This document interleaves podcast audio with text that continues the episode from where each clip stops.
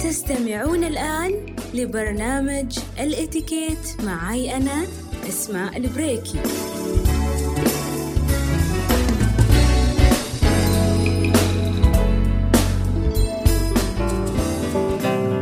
بيننا صديق لا يعرف الكلل مخلص رقيق إن قال فعل. روميو صديقي يحفظ عهد الأصدقاء يعرف كيف يشابه الأيام. روميو صديقي علمنا معنى الوفاء علمنا ألا نخشى الآلام.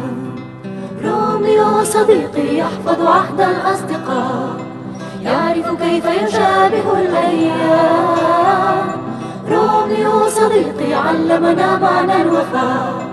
علمنا ألا نخشى الآلام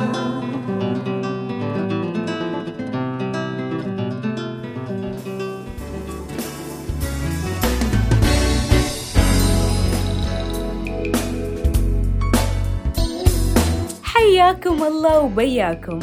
والسعادة تتجدد بلقياكم وعين الله ترعاكم. روميو صديقي يحفظ عهد الأصدقاء. عندنا صديق لا يعرف الكسل مخلص رقيق إن قال فعل معقولة موضوع حلقتنا لليوم يكون عن إتيكيت روميو؟ ولا مثلا راح يكون عن إتيكيت الرسوم المتحركة الجميلة؟ زمن الطيبين؟ لا لا لا حلقتنا لليوم عن إتيكيت بين قوسين خلوني أقطع لكم حروف هذه الكلمة اللي هي موضوع حلقتنا لليوم إتيكيت ألف لام صاد دال ألف قاء تاء مربوطة.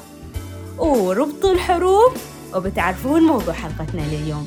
تعتبر واحدة من أسمى العلاقات الإنسانية والتعرف على الإتيكيت والآداب في التعامل مع أصحاب هذه العلاقة يعتبر الوسيلة الأفضل والأمثل لبناء صداقات جديدة والحفاظ على الأصدقاء. وأكيد غششتكم إتيكيت الصداقة هو موضوع حلقتنا لليوم.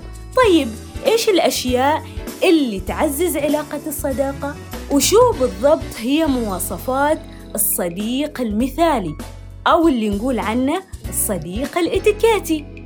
إتيكيت الصداقة يعتمد على مجموعة من المعايير الاجتماعية والذاتية. اللي ترسم حدود العلاقة بين الأصدقاء واحترام هذه المعايير وتطبيقها في علاقات صداقتنا يساعد على تكوين صداقات جيدة وأيضا يضمن الحفاظ على هذه الصداقة وتستمر لفترة طويلة. أول هذه المعايير هي الصدق. سميت الصداقة اشتقاقا من الصدق وهي أن تصدق بالأقوال والأفعال والمشاعر وأن تلتزم بالعلاقة وأن تقوم بكل متطلبات هذه العلاقة بكل صدق. الاحترام وهو الأساس اللي تنبني عليه العلاقات الإنسانية الناجحة وأيضا هو يعتبر أس الآداب في التعامل مع الأصدقاء.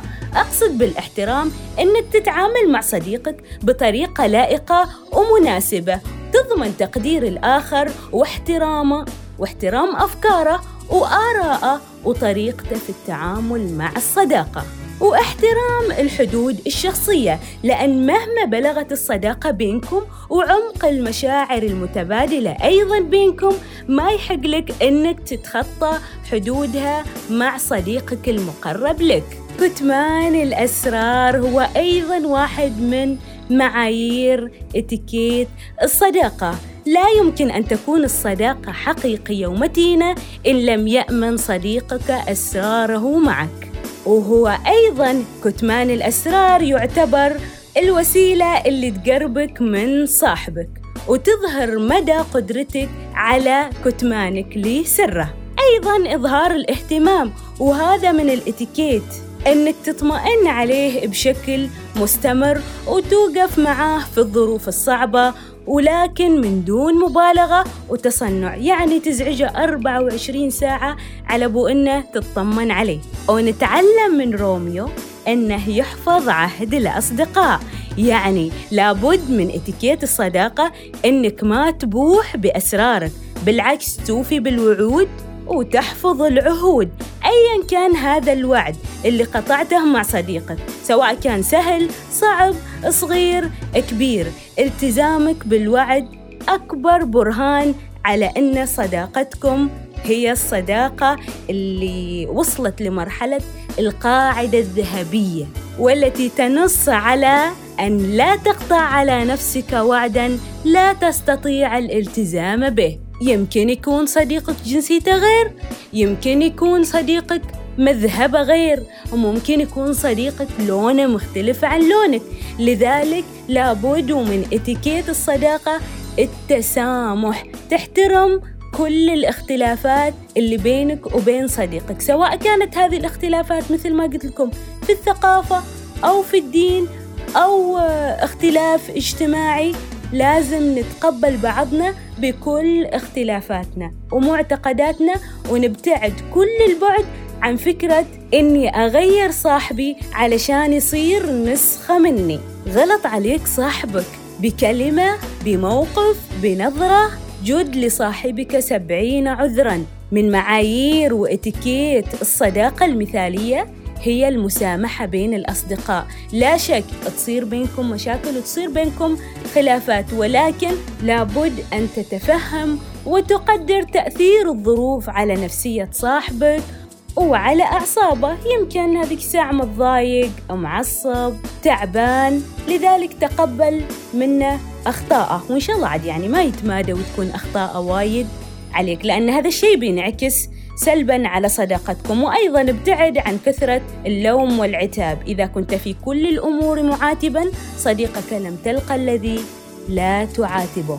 الحفاظ على التواصل وهنا أعني الحفاظ على استمرارية التواصل أيا كان آه، الفترة سواء كانت متقطعة أم متواصلة لكن تجنب إزعاج صديقك ولا تبالغ.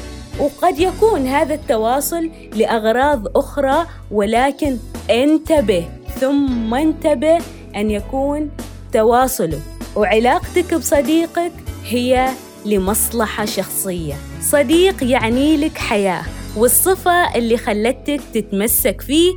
هذا سؤال استفتاء حطيته لمتابعيني في الإنستغرام وحبيت أعرف منهم وش هي الصفات اللي جذبتهم في الأشخاص اللي بعد فترة صاروا أصدقائهم. تقول ميثا صديقتها وحطت منشن آه، لها اللي عجبها أو الصفة اللي عجبتها في صديقتها حنانها ووقفتها معاها في كل شيء. وطبيعي الشخص اللي يكون مهتم بمشاعرك ومهتم بأحوالك ومتقبلك بكل ظروفك أكيد إنه يكون الصديق الحقيقي. وأيضا صاحبتي الجميلة والعزيزة منذ الطفولة تقول لي أن آه، أصدقائها المقربين لها أنا. تقول لي أنت وصداقتنا اللي دامت عمر والشيء اللي خلاني أتعلق فيك هو روحك المرحة. يا عيون وتسلم لعيونك وما أنحرم من صداقتك جميلتي.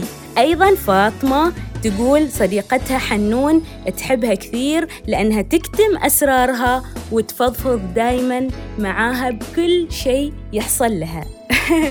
والمذيعة الجميلة صاحبة الروح الحلوة آية تقول أن صديقتها هي ملاك وهذه الإنسانة تحب فيها أن ما فيها عقل مثلها. الله يدين صحبتكم إن شاء الله والود بينكم. وفطومتنا تقول الصفة الحلوة في صديقتها هي وقفتها معاها دايما في أصعب الأوقات والظروف وإنها مرحة دايما مثل طبعها. وتقول نوف الجميلة إن الوفاء والطيبة وكتم الأسرار هي الصفات اللي حبتها في صديقتها. ويا أجمل صداقة صديقتي تقول تحب فيني طيبة القلب؟ ربي يسعد قلبك إن شاء الله ويحفظ الود بيننا ولا يغير علينا إلا بالخير. يا أسماء. يمكن أحد فيكم يقول لي طيب أنا تعرفت على شخص من فترة قريبة كيف أقدر أوثق علاقتي معاه وأخليه صديق؟ كيف تتعامل مع الأصدقاء الجدد؟ أولا كن على طبيعتك يعني لا تتصنع. ولا تنافق ولا تخدع صديقك الجديد بالمظاهر. كون عفوي أقصد العفوية الراقية.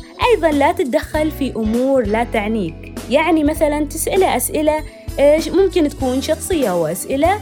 حساسة كم راتبك؟ وين تداوم؟ كم اشتريت سيارة؟ كل هذه الأمور الشخصية ابتعد عنها ولا تتدخل فيها. أو أنك تشتغل شغلة الواعظ أو الناصح. على أساس أنك أكبر منه أو أفهم منه أو أخبر منه. أيضا كن متواضع وتجنب أنك تناقشه في الأمور اللي تثير الجدل مثل المذاهب والمعتقدات والأمور السياسية وغيرها. تجنب الحديث في ذلك. أيضا اجعل تواصلك في حدود معقولة يعني لا تزعجه بكثرة تواصلك وسؤالك. أيضا اختار أوقات مناسبة للتواصل واللقاء. لأنه ما ملزوم يخصص لك وقت معين وأنتوا بعدكم ما مضى فترة من مدة معرفتكم البعض.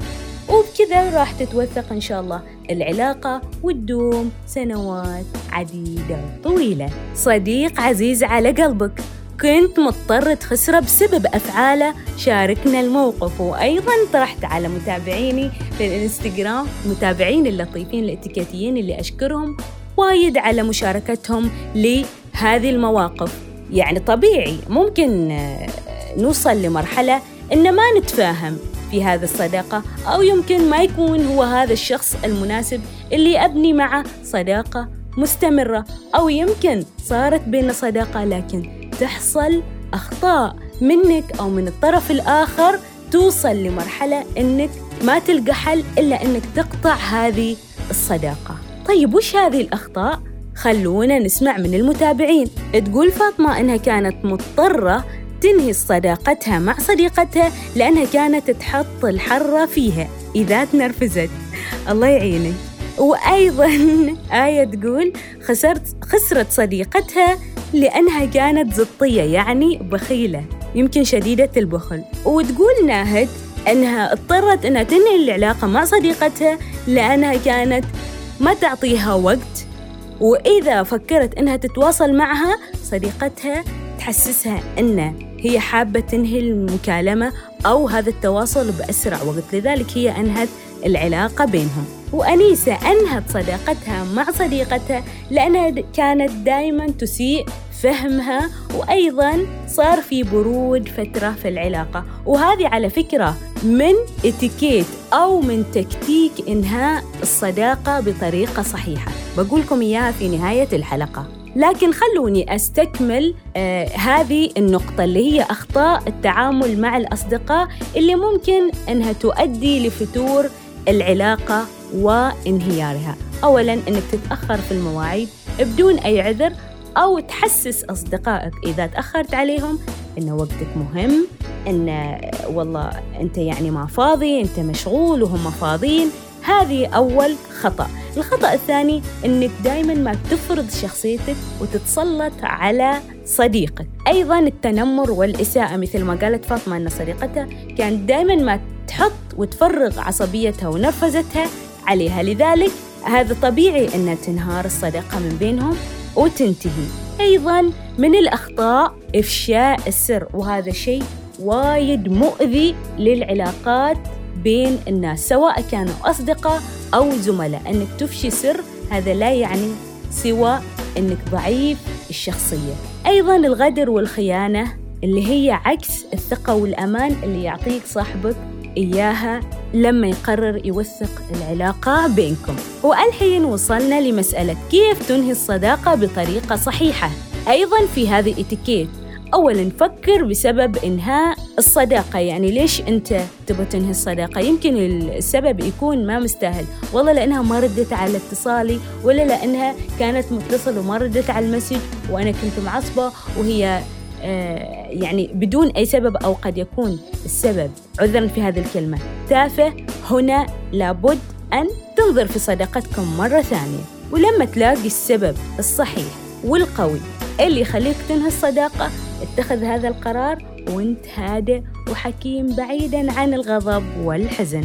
أيضا التلاشي الطبيعي مثل ما سوت أنيسة أنها صار في برود في العلاقة برود في التواصل قلل التواصل تدريجيا وبالتالي بتنتهي الصداقة بطريقة صحيحة. ممكن تنهي الصداقة عن طريق محادثة. تصرح فيها لصاحبك أني أنا حاب أنهي هذه الصداقة لأن كذا وكذا وكذا. كن صادق في البداية مع نفسك وبعد ذلك كن صادق وصريح مع صاحبك. وحتى لو أنهيت الصداقة هذا ما معناته. ولا يمكن ولا مسموح في الاتيكيت أنك تفشي الأسرار وتخلف العهود والوعود اللي كانت بينكم. كن أميناً في حفظ العشرة والصداقة وتجنب الطعن والتجريح في صديقك حتى لو أنهيت الصداقة معه. وأنا متفائلة جدا إن ما في صداقة لها نهاية إلا النهايات السعيدة هذا ما أؤمن به ولعل أعظم صداقة سجلها التاريخ واللي ما حصل لها نهاية إلى يومنا هذا وإلى يومنا هذا نتعلم من كل مواقف هذه الصداقة. هي صداقة الرسول صلى الله عليه وسلم بأبو بكر رضي الله عنه وأسمى صور الصداقة تمثلت معهما في الهجرة النبوية. اقرأوا في السيرة لتعرفوا حقا اتيكيت الصداقة كيف يكون. سلام على الدنيا إذا لم يكن بها صديق صدوق صادق الوعد. منصفة هذا قول الشافعي بينما عمر بن الخطاب قال عليك بإخوان الصدق. فعش في أكنافهم فإنهم زينة في الرخاء وعدة في البلاء. سعدت بصداقتكم في برنامج اتيكيت واسأل الله أن يديم صداقتنا على الود والمحبة. دمتم بود. ولنا لقاء. يا أصدقاء في حلقة جديدة. وإتيكيت جديد ومفيد. وأوعدكم بإطلالة فريدة في الأسبوع القادم. ترقبوني. وش نقول؟ أو طرشوله